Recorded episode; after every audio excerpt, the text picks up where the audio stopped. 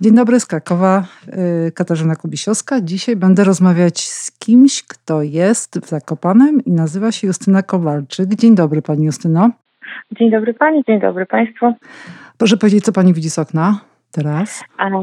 Z okna widzę e, zachmurzone niebo. Mhm. Godzinkę temu zaczęło padać, więc e, gór nie widzę, choć okno jest na góry, jest zachmurzone niebo, pada deszcz. Tak troszeczkę jesiennie. Mm. I co pani robi z Zakopanem? Z Zakopanem mieszkam i pracuję. Mm. No, a jakbyśmy miały, mamy dzisiaj porozmawiać o czasie. I e, chciałabym się dowiedzieć, jakie pierwsze pani skojarzenie przychodzi do głowy, e, gdy słyszy pani słowo czas. Gdy słyszę czas, e, zazwyczaj skojarzenie jest takie, że bardzo szybko ucieka. Takie mam życie, które, e, w którym się ciągle coś zmienia. Trzeba się ciągle pakować, trzeba ciągle wyjeżdżać, przyjeżdżać, żegnać się, witać się. Z zegarkiem jestem na, za pań brat, ciągle jest na mojej dłoni. E, sportowiec wyczynowy ma zegarek bez przerwy. Żyje minutami, żyje sekundami, wszystko robi co do minuty, co do sekundy. Więc e, z jednej strony czas to jest coś, co bardzo szybko ucieka, czasem przez palce wręcz, a z drugiej strony mm, to jest dokładnie, dokładne mierzenie mojej pracy i e, efektów tej pracy. Mhm. E, no, ale e, ostatni czas pokazał nam, że wszyscy możemy nagle zwolnić. E, pandemia zatrzymała cały świat na kilka miesięcy. Ja się zastanawiam, jak płynie czas sportowca w czasie pandemii. I co sobie pani myślała wtedy? Zatrzymała, nie zatrzymała. Rzeczywiście e, wyjazdy zagraniczne ograniczyła zdecydowanie, e, ale sportowiec Zub, jego trener, na trening przychodził tak samo jak wcześniej, bo to była jego praca i, i trzymał się z daleka od e, innych osób oczywiście, ale swoje zrobić musiał i, i wciąż z tym zegarkiem na rękach i, i wciąż e, z tym odliczaniem. Mm -hmm. Oczywiście uspokoiło się wszystko, to fakt. E, no, nie zabrzmi to może najlepiej, ale dla mnie czas pandemii był, e, był świetny. Znaczy, teraz e, może źle wyraziłam, nie czas pandemii, bo pandemia wciąż trwa, ale czas tego zamknięcia pierwszego był naprawdę świetny, bo tak naprawdę pierwszy raz od 20 lat e, spędziłam w swoim własnym łóżku e, dłużej niż jeden tydzień, więc e, mhm. ja się zatrzymałam, odpo odpoczęłam, pobyłam z najbliższymi. Na szczęście choroba w żaden sposób nie dotknęła nikogo z moich najbliższych osób, więc no więc tyle szczęścia w tym całym nieszczęściu. Mhm. Ale no na pewno nie czułam nie czułam się źle z tego powodu, że, że pozwolono nam posiedzieć w domach trochę. Mm -hmm. No ale jakby pani jeszcze tak miała powiedzieć, e, oprócz tego, że sporo osób mówiło, że to jest e, taki moment, żeby, e, żeby poznać swój własny dom lepiej i domowników, i przeczytać zaległe książki, E, i pomyśleć e, na tematy, na które dotąd e, nie mieliśmy koncentracji, uwagi i porozmawiać z bliskimi. I że to pod tym względem było bardzo mm, dobre dla ludzi. Czy pani też jakoś spojrzała na swoje życie to pani powiedziała, bardzo intensywne. Y, ostatnie 20 lat to było y, wyjazdy, przyjazdy, rozpakowywanie się, pakowanie, treningi, etc. Y, I, I co sobie pani pomyślała, że jakie to 20 lat, oprócz tego wszystkiego, co wspomniałam, było za szybkie? E, było szybkie, ale ja sobie doskonale zdawałam z tego że, sprawę, że jest bardzo szybkie. E, to nie jest tak, że się obejrzałam i ojejku minęło. Ja w tym czasie, kiedy to się działo, zdawałam sobie sprawę, że jest bardzo szybkie, ale też wiedziałam, że, że tak chcę, że, że to był e, na, na ten czas mój wybór e, i, i nie zamieniłabym, na pewno. Mm -hmm. Na pewno bym tego nie zmieniła. Fajnie, że się to, ta część skończyła, bo przyszedł następny etap. Jakby pandemia, tak się akurat zdarzyło u mnie, że ta pandemia zaczęła się wtedy, kiedy w moim życiu też nas zaczęły się duże, duże zmiany. Więc ja na przykład, e, będąc na progu za mąż pójścia, miałam możliwość e, z moim przyszłym mężem przesiedzieć te cztery miesiące razem. Mm. 24 mm. godziny na dobę. Więc jeśli któremuś z nas by jednak na sam koniec coś się odwidziało, to mieliśmy dobre pole testowe, no ale szczerze powiedziawszy, jak Aha. nas tak otwarto na, na świat, to ja taka smutna chodziłam, że już nie jesteśmy 24 na dobę razem, że każda musi do swoich obowiązków i tak dalej. Mhm. E, więc więc no, tak to mijało. Jeśli chodzi o najbliższych, czyli rodziców, mhm. Jeśli chodzi o rodziców, to no niestety nie mogłam za często tam u nich być. Mieszkali, mieszkamy w odległości 40 kilometrów, ale no, na, to są osoby powyżej 70 roku życia i nie chciałam ich narażać w żaden sposób. Jednak chodziłam na zakupy, chodziłam na treningi, mhm. więc nie chciałam ich narażać. E, rodzeństwo również nie za bardzo, bo są lekarzami, więc e, też dla nich kwarantanna to by było wręcz katastrofa. Mhm. I oni też nie chcieli reszty narażać, bo na początku nie, nie byli o, odpowiednio chronieni, więc też nie chcieli się za bardzo z nikim spotykać, żeby ludzi nie narażać. Mhm. Ale tak jak mówię, mieliśmy czas ze swoim narzeczonym e, na, na, na to, żeby się tak już dogłębnie absolutnie poznać i żeby później nie było żadnych niespodzianek. No a jakbyśmy jakby pani się cofnęła w czasie i przypomniała sobie ten dzień, kiedy ma pani 15 lat i po raz pierwszy yy, zakłada yy, narty biegowe, to co by pani powiedziała? Jak pani ten dzień pamięta? W ogóle te pierwsze, pierwsze, pierwsze wprawki. Ja go bardzo dobrze pamiętam, bo przewróciłam się z 8 albo z 10 razy. Śnieg miałam wszędzie, było zimno, nie miałam odpowiedniego stroju. E, bo ten strój był bawełniany, więc od razu był mokry po prostu. Mhm. A jestem marszluchem pierwszej klasy, więc e, akurat kwestia stroju u mnie jest dość ważna. Więc wywracałam się, było zimno, śnieg miałam wszędzie, miałam um, skostniałe pal palce u rąk i w ogóle to przyszłam i powiedziałam, że to, to jest jakieś w ogóle do niczego. Mhm. I to Ale... do niczego panią zmobilizowało, tak? Do dalszych kroków? Mniej więcej tak, bo widziałam, że, że dziewczyny, bo to był klub, że dziewczyny, które dłużej ode mnie na tych nartach już e, próbują, e, że, no, że dobrze im to wychodzi, że mają z tego jakąś radość i jakaś taka osobista ambicja, chęć rywalizacji może zmienić coś w tym stylu. E, pomyślałam sobie, nie, muszę się nauczyć tak jak one, a później zobaczymy. No i, no i szybciutko się nauczyłam tak jak one, a, a, że dość no, praktycznie od razu zaczęłam odnosić e, sukcesy, oczywiście na początku te małe, regionalne, później te mhm. troszkę wie, większe, więc tak naprawdę nigdy nie miałam czasu się zastanowić nad tym, że chciałabym odejść, bo coraz nowa rzecz dawała mi, była kolejną marchewką, dzięki mhm. której byłam zadowolona i szłam iść chciałam iść dalej. No a ten pierwszy sukces, ten właśnie lokalny, jak smakuje? Wtedy też się wywróciłam.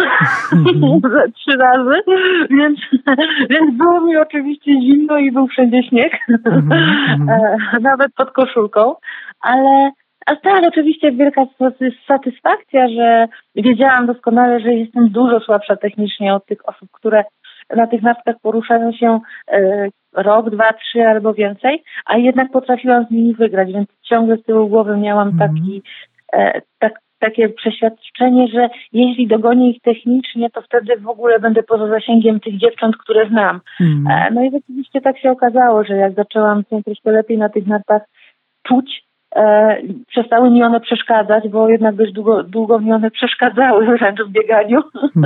Mm. no to rzeczywiście wtedy już e, była, no byłam poza zasięgiem tych osób, z którymi się uczyłam biegać. Mm. Ale ten sukces pierwszy jego smak y, i odczucie też pytam, dlatego że e, ciekawi mnie, jaki on jest w zestawieniu z tymi kolejnymi wielkimi sukcesami światowymi, e, pucharami świata, olimpiadami. E, jakie tutaj być może on smakuje tak samo, jak te większe sukcesy? Mm, powiedziałabym wręcz przeciwnie, bo e, te pierwsze sukcesy, pierwsze jakieś tam regionalne, później nawet światowe, ale juniorskie, były takie czyste, tak bym to nazwała, mhm. były takie prawdziwe. Pierwsze. A później, mhm. Tak, a później były, była to po prostu robota. Ja, ja musiałam, jakby ja jestem bardzo obowiązkowym człowiekiem, więc e, dla mnie to był obowiązek, że jeśli jestem tak, na takim poziomie, to ja te medale powinnam zdobywać, a pracuję tak ciężko, że jestem na tym poziomie, więc ja, ja po te medale muszę biec. E, I ja zdobywałam te medale. Oczywiście cieszyłam się, bo, bo to nie jest tak, ma się dziką satysfakcję wręcz, kiedy, kiedy wiesz, że jesteś z malutkiego kraju, którym, znaczy malutkiego narciarstwa, bo mm -hmm. jesteśmy dość dużym krajem, ale malutkiego narciarstwa z kraju, w którym tak naprawdę w biegach narciarskich e, niewiele się w historii działo i, i, i konkurujesz i to z wielkim mm, plusem, z, z potęgami. Mhm. Um, i wiesz, że to wszystko twoja i twojego trenera ciężka praca, to jest to duża satysfakcja, ale e, no po pierwsze chce się więcej i więcej, bo, bo, bo E, miałam świadomość swoich e, niedociągnięć i wiedziałam, że jeśli te niedociągnięcia jeszcze będę w stanie poprawić, to będzie jeszcze lepiej, więc mm, takie dążenie do, do perfekcji. No w sporcie jest to dość ważne. Nawet jeśli sobie w czasie e, tak, tego procesu nie do końca sportowiec zdaje sprawę, że właśnie dąży do perfekcji bez przerwy. On, on tam ma poprawić, nie wiem, stopę, która odskakuje, dietę albo coś takiego, mhm. E, to, to jednak e, później z, perspek- z perspektywy czasu można to tak nazwać, więc e, z mhm. jednej strony to, to, dążenie do perfekcji daje, mm, daje dobre rezultaty, ale z drugiej strony stoisz na tym podium, nawet na pierwszym miejscu i myślisz sobie, kurczę, ale to mogłam zrobić lepiej, następnym razem zrobię to lepiej. Mm. No, a jak to jest, jak, czy pani się w ogóle zdążyła Y, ucieszyć tymi y, sukcesami, skoro rozmawiamy o czasie, bo to był sukces za sukcesem, sukcesy się goniły, ścigały pani sukcesy. I czy był taki moment, żeby tak właśnie wystopować? Chyba go nie było. Y, I właśnie jakoś się delektować tym, co się osiągnęło. Nie tylko dążyć do tego perfekcjonizmu. W trakcie nie, nie było. Mhm. Nie było takiego momentu.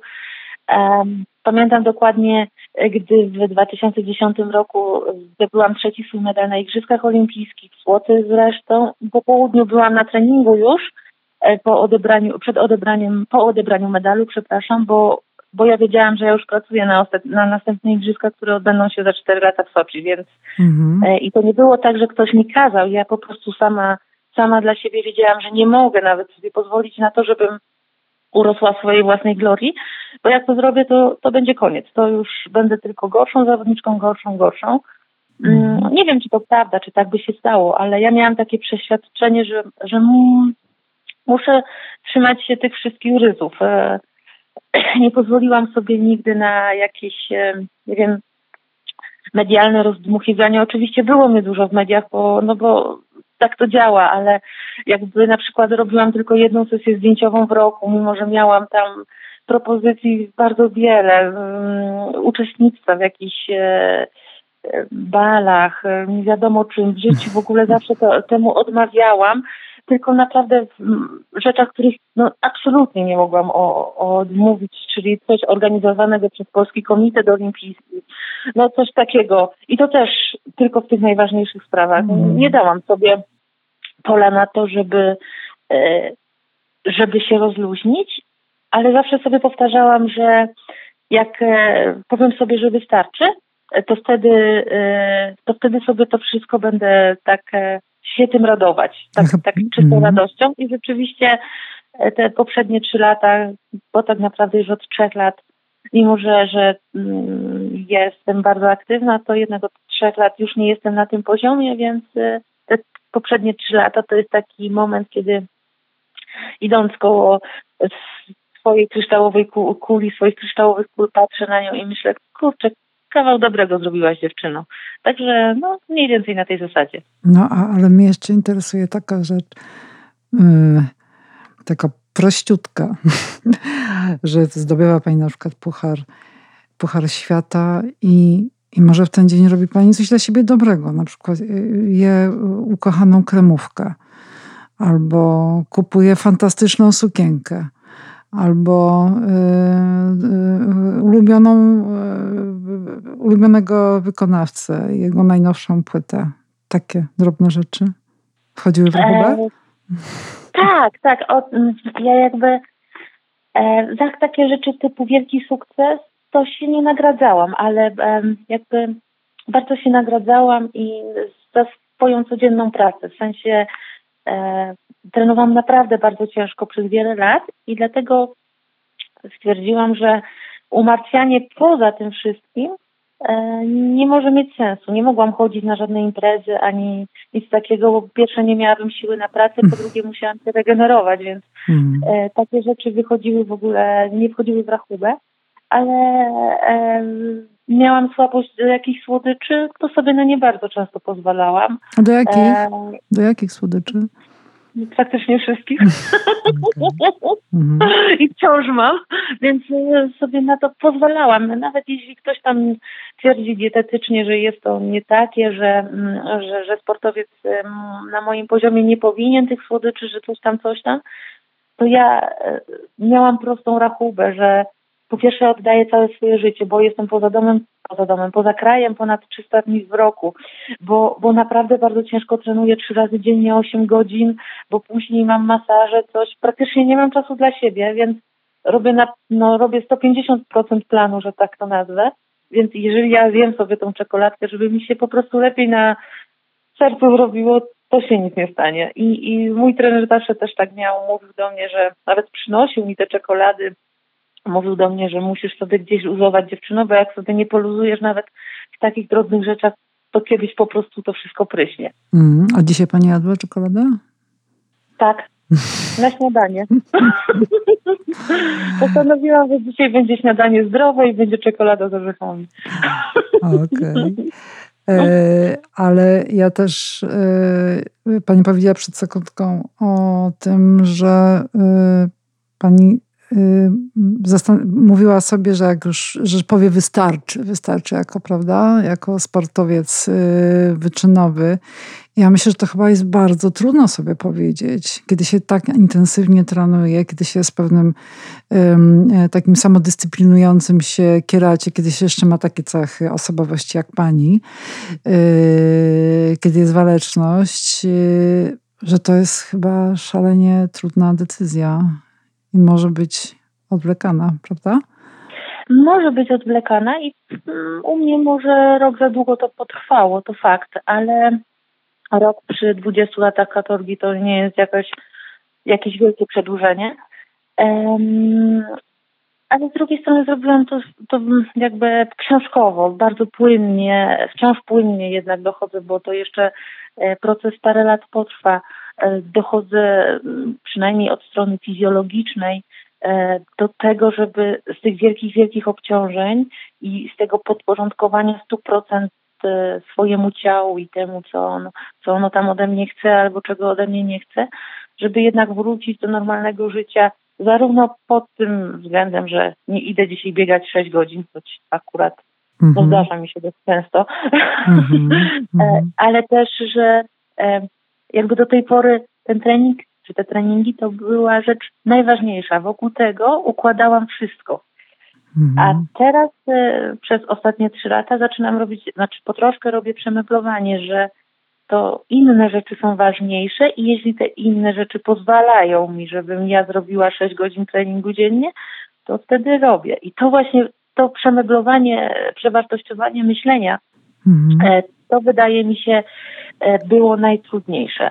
A co jest e, ważniejsze? Bo... Przepraszam, tak waszą słowo.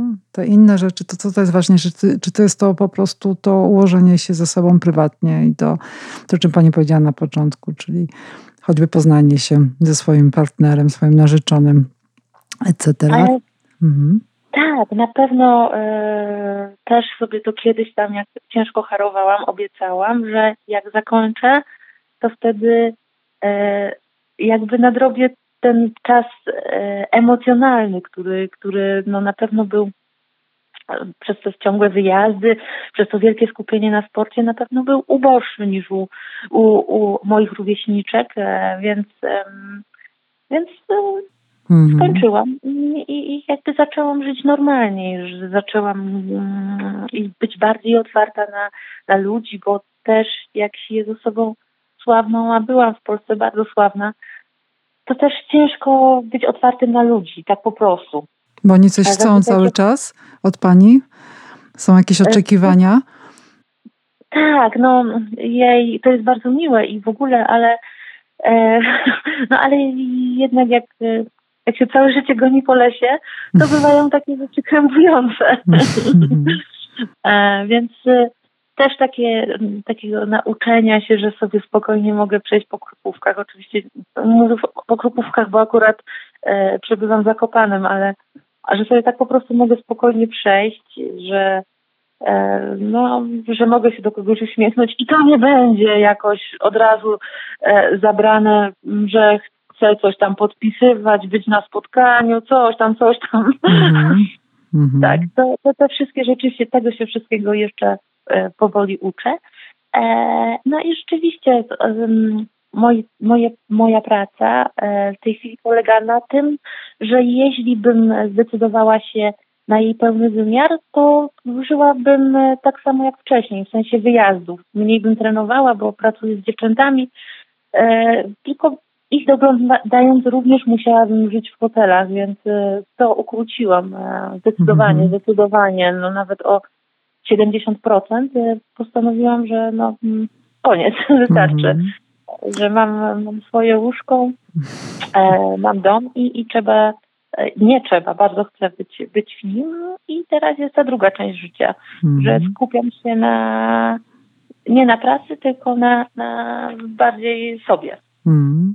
No właściwie pani trochę odpowiedziała na moje kolejną kwestię, którą chciałam poruszyć, ale może jeszcze to teraz dopełnimy, bo y, myślałam o tym, że chyba rzeczywiście te dwa czasy, czas sportowca i czas y, człowieka prywatnego, czas kobiety, y, to są czasy, kiedy sportownie, sportowiec intensywnie trenuje, właściwie chyba nie do pogodzenia, prawda? Że one w pewnym momencie muszą być musi być, nastąpić podział tutaj pani, w pani przypadku no, był dość naturalny, prawda? Tak, ma Pani rację. Znaczy, to jest kwestia charakterologiczna na pewno, bo są dziewczyny, kobiety, które doskonale spełniają się w sporcie e, i jeszcze na przykład wracają po urodzeniu dziecka i mają świetną rodzinę, męża i tak dalej. E, więc e, są takie osoby, które radzą sobie doskonale i, mm, i tak dadzą, potrafią. Ale do tego jest potrzebna jedna rzecz. Musisz mieć stacjonarne miejsce do pracy swojej. Mhm. Ja w Polsce takiego miejsca nie miałam. Ja jakby mm, miałam warunki finansowe ku temu, że jeśli byłoby w Polsce takie miejsce, choćby, nie wiem, w Szczecinie, Białymstoku, czy na naj, naj, najdalszym zakątku od mojego rodzinnego domu, to po prostu pojechałabym tam, kupiła sobie miejsce do życia i bym tam żyła, żeby tylko wycho- żeby mieć gdzie wyjść na trening i mieć gdzie wykonywać swoją pracę. No niestety Hmm. Taką mam dyscyplinę sportu, że to teraz już by się dało zrobić, wtedy się tego nie dało zrobić. I to się wiązało z tymi ciągłymi wyjazdami, e, z tymi trzytygodniowymi obozami sportowymi za granicą w każdym miesiącu letnim e, i jesiennym, no i całą zimą poza krajem. Mhm. A więc tak naprawdę na to takie stacjonarne życie zostawał tylko kwiecień mhm. i troszkę maja, więc trochę mało. No, wiosna. tak, wiosna, ale jeszcze się mhm. ciągnęło studia, mhm. więc, e, więc trochę mało. A że ja lubię być, jak się w coś angażuję, niezależnie od tego, czy jest to praca, czy są to prywatne sprawy, to po prostu się angażuję na 100%, więc e, E, dałoby się zaangażować na 100%, jeśli bym po prostu mogła wyjść do pracy i wrócić do domu. Mhm. A wisieć na telefonach, nie wiem, denerwować się przyjazdami, od, pożegnaniami, to, to wszystko jest stres, dodatkowy stres. Więc no, wydaje mi się, że ja, e, ja podświadomie się tego po prostu wypierałam. Nie chciałam tych mhm. dodatkowych stresów. Mhm. E, ale też sobie właśnie obiecywałam i zresztą mądrzy ludzie obok mówili, że na wszystko przyjdzie swój czas. No, mhm. i, no, no i chyba mieli rację. Tak? Wierzyła Pani w to, co oni mówią? Czy tak powątpiewała Pani, nie wiedziała właściwie? Bo czasami tak jest, że ktoś z boku mówi, a, i to jest mądre obiektywnie, ale my myślimy, o nie, nie, to nie o nas. Jak było z ja mhm. lubię się otaczać naprawdę mądrymi ludźmi, mhm. życiowo mądrymi i też nie słucham każdej gadki, która jest wokół moich usług, tylko słucham kilku osób tak naprawdę. Um, i, I oczywiście, że nie są to osoby nieomylne, wiadomo, nikt nie jest nieomylny, ale jednak e, jakby miało to ręce i nogi, to co mówili. Mm. A mnie jeszcze interesuje czas Justyny Kowalczyk, jak biegnie, trenuje, jest e, w, w otoczona naturą i intryguje mnie, jakie pani zwierzątka spotyka biegniemy, jest to zwierzę, mm -hmm. no to jest. Mm -hmm. Ale zdarzyło mi się, że na trasie stały dwa łosie mm -hmm. z mhm. Norwegii. Czekały na panią. Mhm. Tak, to rzeczy, i to jeszcze na zjeździe. To rzeczywiście było takie dość abstrakcyjne w północnej Norwegii. E, wiadomo, sarenek, gielonków, niezliczona ilość. E, zdarzyła się jakieś dziki gdzieś e, tam w okolicach mojego mm, domu rodzinnego, czyli mm -hmm. wyspowym. E, lisy, tego typu, no to, no to te zwierzęta, które podchodzą troszkę do ludzi, no to, no to się zdarzały. E, nie miałam nigdy spotkania z jeleniem, nie miałam e, nigdy spotkania z, z wilkiem, czyli z tymi niebezpieczniejszymi zwierzątkami, na które mogłabym jednak się na, mhm. napotkać. Mhm. No to by było tyle. Ptaków to oczywiście mnóstwo. Mhm. Tak, ptaków oczywiście mnóstwo, no to wiadomo. Mhm. E, ale, ale jakby myślę, że, że, że nie przeszkadzaliśmy sobie wzajemnie. Mhm. A proszę powiedzieć jeszcze o jednym czasie. E, czasie choroby, Pani otwarcie mówiła, o, powiedziała o swojej chorobie, o depresji. E, jak z dzisiejszej perspektywy Pani ocenia tamten czas? Mm, oceniam jako bardzo dużą naukę, bo mm, jakby to był taki początek nowego życia. Mm, jak już zaczęłam walczyć o siebie, bo mm. pier, jakby pierwsze było troszkę bez szans, później e, najbliżsi zaczęli walczyć o mnie i jak zrozumiałam, że oni walczą o mnie, ja też bym zachciała walczyć o siebie, jak zaczęłam walczyć o, siebie, to troszeczkę przewartościowałam e, to, co, to, co wcześniej robiłam i myślałam. I, i to jest ten, ten morał z tego bardzo ciężkiego czasu, który, za, za który jestem wdzięczna. Wdzięczna też jestem, że, że mnie to spotkało, bo dalej moje życie, jeśli by nie było e, tych, tych pięciu lat e, męki, to dalej moje życie wyglądałoby na pewno inaczej. E, Jak mogłoby wyglądać? Znaczy, w sensie nie poznałabym tych ludzi, których poznałam później. Mhm. Taki ciąg łańcuszek przyczynowo-skutkowy, że mm, ponieważ na, na, na stan, którym byłam, miały pomóc takie i takie rzeczy. Tam e, ludzi takich i takich spotkałam i oni e, wprowadzili we mnie jakąś tam pasję, dzięki czemu e, znowu kilka ząbków dalej spotkałam mojego narzeczonego na przykład. Mm. Pewnie nigdy byśmy nie wpadli na siebie, gdyby nie to, że na początku byłam chora, później zaczęłam z tej choroby wychodzić i później skierowano mnie w trochę inną gałąź życia, więc e, więc ja sobie teraz z perspektywy czasu myślę, że wcześniej nie myślałam tak, wcześniej myślałam sobie, że Jezu, czemu mnie to spotkało i dlaczego, o co to chodzi, co, ja, co, tak, co tak źle poszło. A teraz z perspektywy już mm, tam lekkiej bezcenności, że tak to nazwę, mm. mogę powiedzieć, że, że zaczynam rozumieć konsekwencje, choć e, że nie, nie wszystkie były aż tak słabe. E, no i mhm. cieszę się, że, że mam tak cudownych bliskich, którzy no, pozwolili mi zostać na tym świecie, albo inaczej nie pozwolili z niego sobie pójść. I, i to mhm. też jest ważne. Pani jeszcze powiedziała coś e, szalenie istotnego, że Pani sobie chciała pomóc. Bo bliscy, znajomi mogą chcieć nam pomóc, a my możemy nie chcieć tego. Pani przyjęła pomoc. I to jest raz, a dwa, jakby miała siłę, czy taką możliwość wewnętrzną, e, żeby chcieć sobie pomóc. Ale to też był bardzo długi proces. To nie było tak, że, e, że e, jakby, że, że widziałam, że chcą mi pomóc i, i ja od razu tą pomoc przyjęłam. Nie wręcz przeciwnie. Chyba mhm. większość osób chorych ma tak, że jeszcze bardziej wtedy się czuje kłopotem i jeszcze bardziej wtedy myśli sobie, jeszcze jestem większym kłopotem, po co ja tu jestem, wszystkim tylko przeszkadzam albo mm, hmm. tworzę e, dodatkowe problemy. E, naprawdę odrzucałam tą pomoc, bardzo odrzucałam. To oni byli tak silni, nie ja. Hmm. Hmm. No a jakbyśmy miały powiedzieć e, o czasie, który się ma zdarzyć, o przyszłości, to co by Pani chciała, żeby się zdarzyło w Pani życiu? No powiem tak, i teraz to też jest e, perspektywa, e, mam nadzieję, zakopanej i na pewno nigdy nie zapomnianej, ale mam wielką nadzieję, że już zakopanej depresji.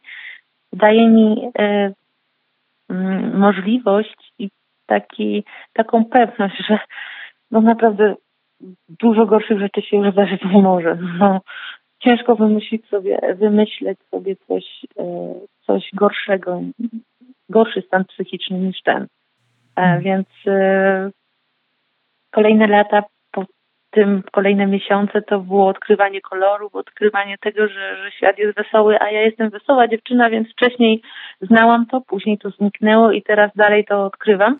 Mhm. Więc myślę sobie, że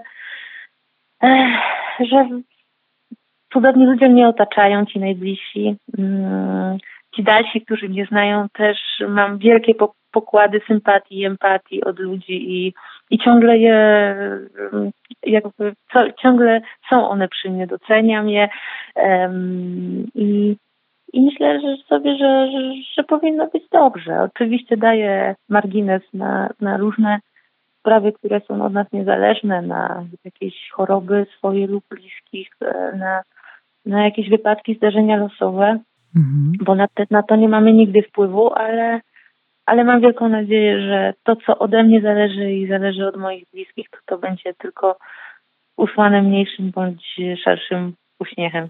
Mhm. To jeszcze na koniec proszę nam powiedzieć, e, jak wygląda Pani dzień, który w tej chwili no, jest powiedzmy, że w połowie, bo jest południe z hakiem. E, już wiem, że zaczął się od śniadania, na którym była tabliczka, rozumiem, czekolady. E, I proszę powiedzieć od dzień dobry do dobranoc, jak on wygląda? Budzę się około szóstej zazwyczaj. Tak o szóstej otwieram oczy. Ogarniam wraz z kawą, ogarniam dom tak z rana, co tam zostało jeszcze nie odgarnięte z wieczora ogarniam dom, jakieś pranie, coś. E, o siódmej e, daję e, kawę swojemu narzeczonemu, zjadamy jakieś śniadanko i ja na ósmą zazwyczaj idę na, do pracy na trening do dziewcząt. Ja sama też wtedy mam za, często trening, często z nimi trenuję, chyba że mają takie zadanie, że muszę stać i patrzeć, no to stoję i patrzę. I około dwunastej kończę Dzisiaj na przykład skończyliśmy właśnie o 12, dlatego poprosiłam o przesunięcie czasu. 12, mhm. 12.30 kończymy ten trening. To w zależności od tego, co tam w planie treningowym napisałam, to, to w zależności od tego, co tam robimy. Teraz mam czas dla siebie, czyli przychodzę oczywiście głodna, wiadomo. E, Kacper teraz jest po operacji barku, więc y, za bardzo nie, nie może, e, no nie ma za wielu zajęć, bo musi, e, musi rehabilitować po troszeczkę tą rękę, więc czeka na mnie zazwyczaj jakiś pyszny obiadek. Mm, I tak sobie do godziny gdzieś trzeciej trzydzieści spędzamy razem czas, a o czwartej muszę znowu wrócić na drugi trening dziewcząt Przyjeżdżam gdzieś około 6.30, wieczorem 18.30, zjadamy kolację, no i mamy wieczór dla siebie. Mhm. Także jest jakby wciąż ten sport jest bardzo ważny, ale jednak jest mhm. też dużo czasu dla Justyny. Mm. No to ja życzę, żeby ten czas dla Justyny był dobry, po prostu dobry. Dziękuję bardzo. Bardzo dziękuję. dziękuję. Bardzo dziękuję. Do widzenia, do usłyszenia. Do widzenia.